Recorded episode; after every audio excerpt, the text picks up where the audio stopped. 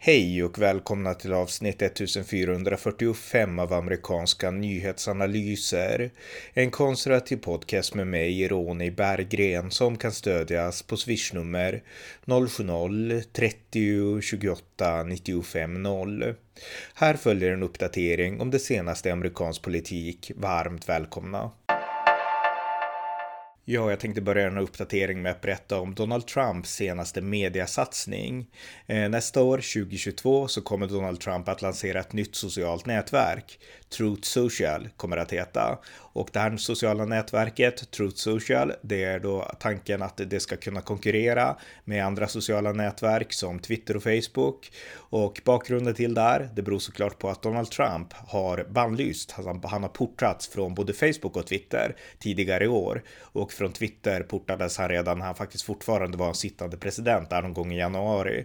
Och eh, han har sedan dess eh, funderat på hur ska han kunna konkurrera med de här plattformarna och i somras lanserade han ju ett alternativ till Twitter. From the Desktop of Donald J. Trump hette det sociala nätverket. Det blev, så som många förutsåg, inklusive jag, en flopp. Det var inte så många användare som använde det och eh, det var svårt för honom att nå ut och det var inte alls samma sak som att ha ett riktigt Twitterkonto.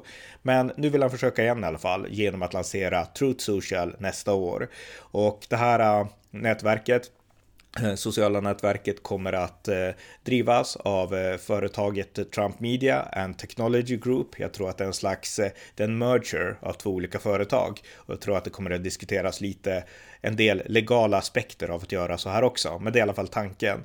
Och eh, ja, han har säkrat en miljard dollar och sen så kommer han att fortsätta att eh, ja, få in pengar då för att komma igång med det här. Och det är mycket som är oklart. Men en sak som står klar och det är det jag tänkte fokusera mest på nu i, idag.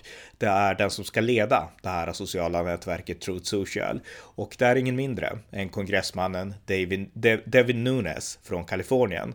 48-årig kongressman som eh, är, sitter i representanthuset för Kaliforniens 22 kongressdistrikt och som också haft väldigt många tunga poster i representanthuset ska sägas under de här senaste det här senaste årtiondet. Och eh, han väljer att hoppa av kongressen nu i december, eh, inte ställa upp från val för att istället satsa på Truth Social, Donald Trumps senaste mediasatsning. Och det här är ju ett, eh, ja, det är ett stort besked för en kongressman att göra så här. Och man kan fråga sig, är det här ett rejält nedbyte eller är det bara en rejäl chansning?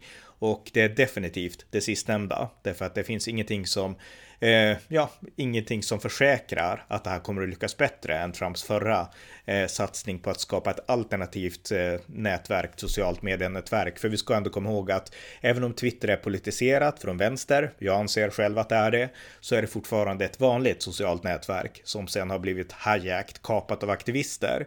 Men Donald Trumps sociala nätverk, de är direkt partiska, alltså de är skapade av Donald Trump för en specifik konservativ eh, publik. Eh, och eh, det gör att ja, egentligen så kapar man av halva marknaden bara i den processen.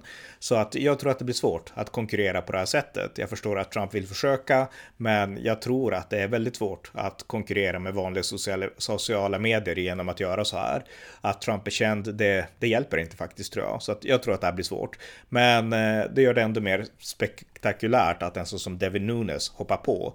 Eh, Devin Nunes själv, han har inga erfarenheter av sociala medier. Han var mjölkbonde innan han blev kongressman och eh, det här är en chansning från honom.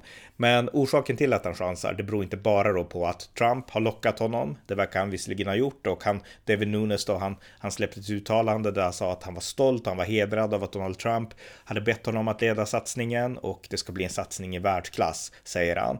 Ehm, I ett citat som jag läser i Svenska Dagbladet bör sägas. Eh, och eh, den här satsningen Eh, ja, eh, den beror säkert på att, att Trump lockar honom, men det beror också på att utsikterna för att vinna ett omval i Kalifornien 22 kongressdistrikt blir mindre och mindre.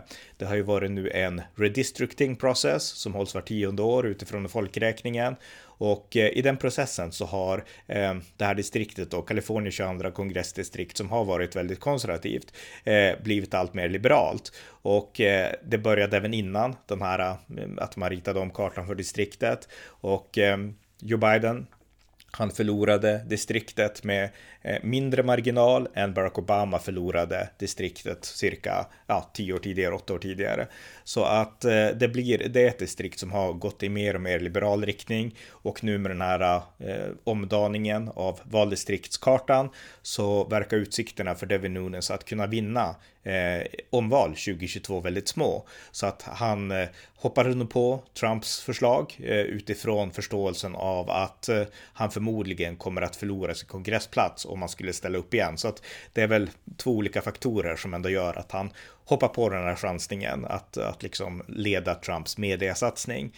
Men eh, ändå väldigt ovanligt att en kongressman gör en sån här sak och en sån hög kongressman som Devin Nunes ändå är. Han har varit med i och lett alla möjliga saker. Jag tror han ledde utredningen av Benghazi eh, och eh, väldigt mycket annat har han lett. Så att eh, ett rejält omkast för en tung kongressman. Så att vi får göra en uppföljning på det. Men hur som helst, Trump lanserar ett nytt socialt nätverk, eh, Truth Social, och det kommer att ledas av kongressman Devin Nunes.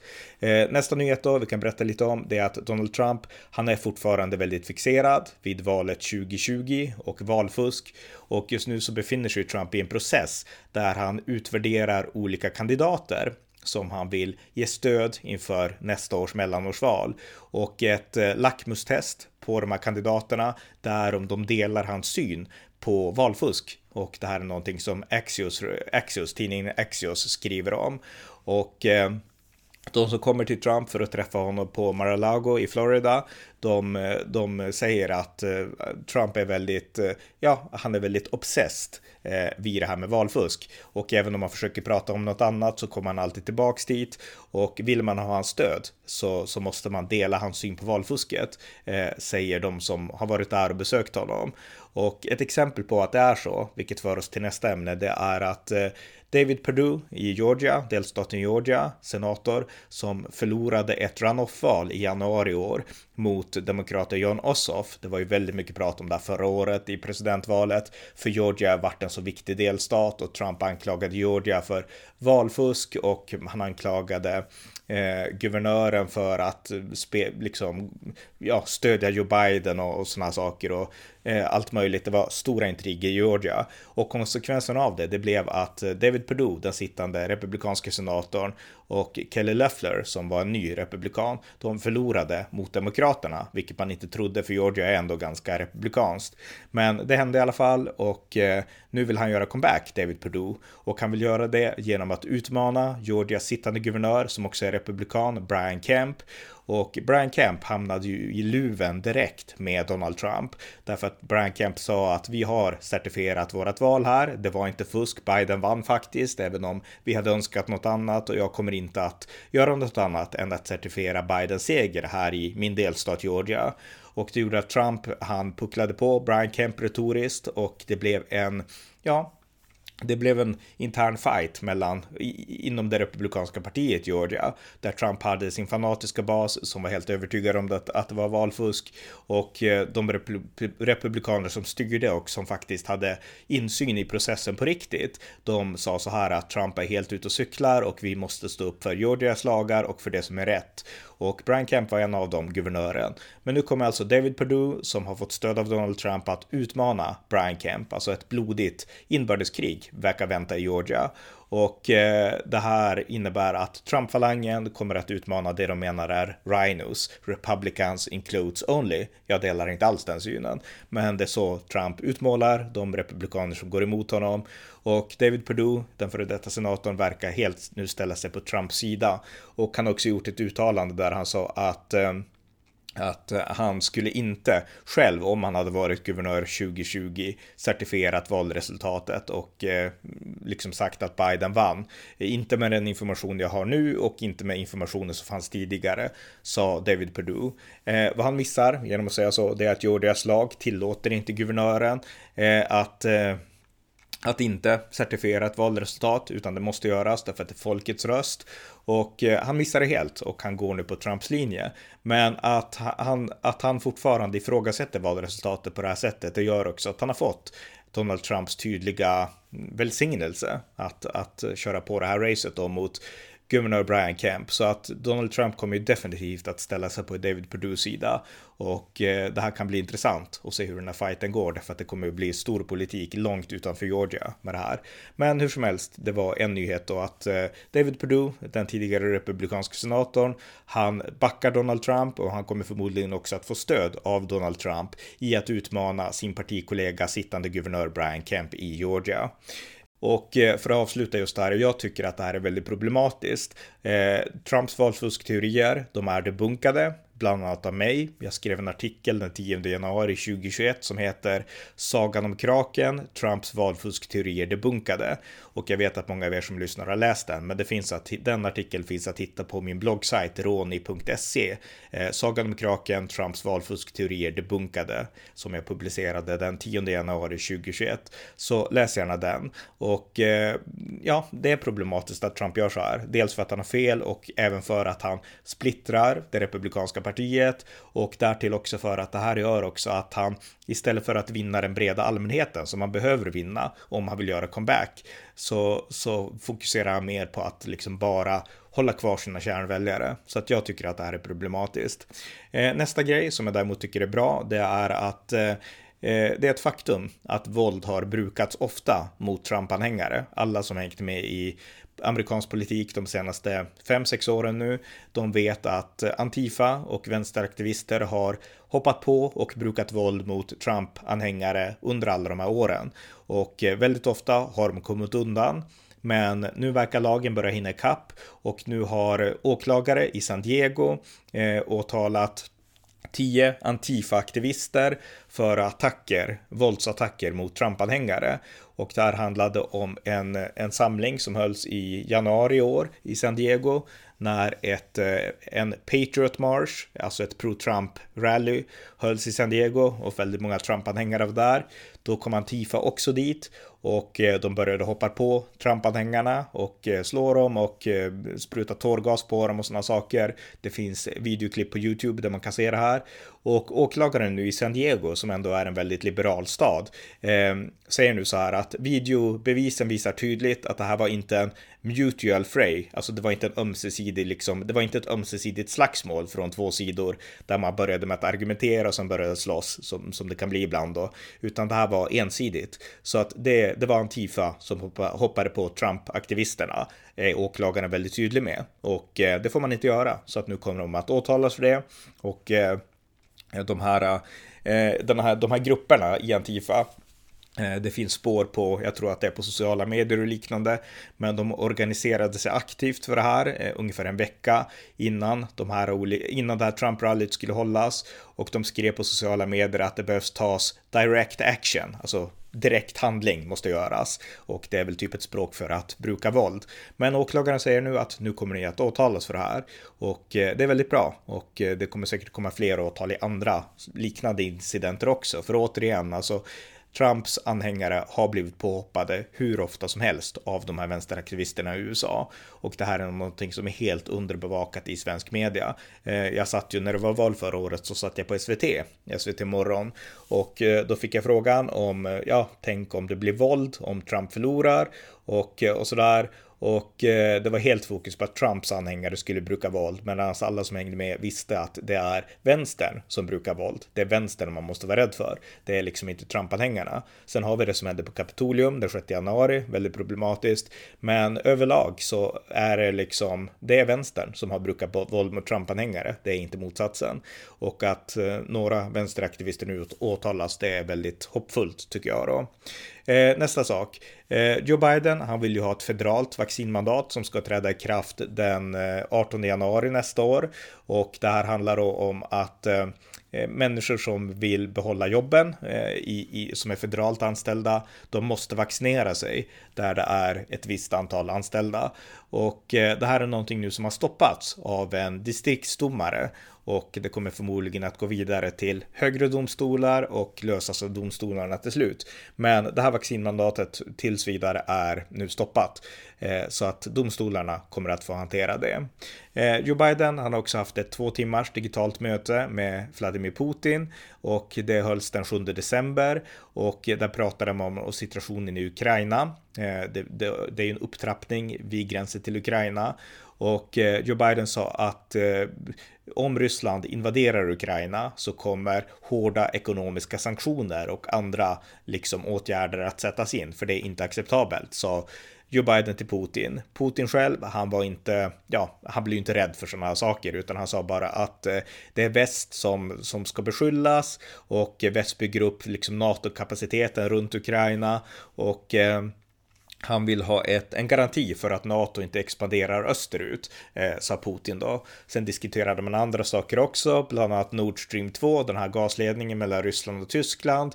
Och eh, där har Biden vikit sig för Tyskland i mångt och mycket. Eh, republikaner och många demokrater de vill ha mycket hårdare linjer för att stoppa den här gasledningen helt. Men eh, Biden vill inte att det ska bli en spricka mellan USA och Tyskland så att han, han, han vill inte det helt enkelt. Eh, efter det här samtalet med Putin så kontaktade också Biden sina allierade i Europa och sa att vi måste stå enade när det gäller Ryssland och inte liksom se till att Putin kan föra in en kil mellan oss Nato-allierade. NATO-allierade ungefär. Så att eh, två timmars samtal med Putin och eh, ja, i praktiken så förändrar nog inte just det här så mycket utan de här två länderna de bemöter handling med handling och samtalen så här på konferenser ja, jag vet inte hur stor roll det spelar faktiskt. Men de samtalade i alla fall den 7 december. Eh, skuldtaket, en skuldtakskris har undvikits därför att kongressen röstade igår, senaten, eh, den 9 december igår, för att eh, höja skuldtaket och det innebär helt enkelt att man behöver inte genomgå någon ny eh, regerings-shutdown som man ibland gör eh, och som alltid ställer till stora problem. Och senatens majoritetsledare Mitch McConnell då, han, eh, han kom fram till ett avtal tillsammans med Demokraterna och det var 14 också republikaner som röstade för det här. Och en höjning av skuldtaket innebär att man undviker en regeringskris, en, en liksom ekonomisk kris som vi har sett så många gånger de senaste tio åren. Och det var ansvarsfullt att göra så här. Men Donald Trump, han är väldigt kritisk mot Mitch McConnell. Han anser att han borde ha använt det här äh, verktyget för att tvinga pressa tillbaka Joe Bidens Build Back eh, Better Plan eller Build Back Worse Plan som, som Donald Trump kallar det. Och eh, han är därför väldigt kritisk till Mitch McConnell och menar att Connell borde ha varit mer partisansk och bara stått och kört på republikanernas linje. Och eh, min bedömning är att det är ansvarslöst att göra så och Mitch McConnell gjorde helt rätt. Eh, gällande Joe Biden så kan vi också säga nu att bara 22 procent av amerikanerna vill att han ställer upp för omval. En undersökning som gjorts av eh, ITIP eh, eh, nyligen, eh, en, ett opinionsinstitut som inte jag har läst så mycket om, men jag läser bara här att de har gjort en ny undersökning i alla fall som säger att bara 22 procent av amerikanerna vill att Joe Biden ställer upp från val. Men Joe Biden själv, han verkar ju vilja ställa upp från val. Han har meddelat det och eh, ja, eh, vi får se hur det går för honom helt enkelt. Och eh, det verkar nu mer som att Biden är mer intresserad av att pressa bort Kamala Harris som verkligen har fallit i status inom Bidens egna kretsar. Men han själv verkar inte vilja hoppa av utan han verkar vilja ställa upp för omval. Och eh, vill han det så kommer ingen annan att pressa ut honom tror jag. Och då är det mer intressant att ställa sig frågan vem kommer han att välja som sin vicepresident? För kanske så blir Kamala Harris utsparkad. Så att vi får se vad som händer. Men det var några av de senaste sakerna som hänt i USA och eh, vi hörs igen snart. Det var avsnitt 1445 av amerikanska nyhetsanalyser. En konservativ podcast som finns för att rapportera om USA ur ett konservativt perspektiv. Stöd podden på swishnummer 070-30 28 95 0 eller via hemsidan på Paypal, Patreon eller bankkonto. Det var allt för idag. Tack för att ni har lyssnat. Thank you.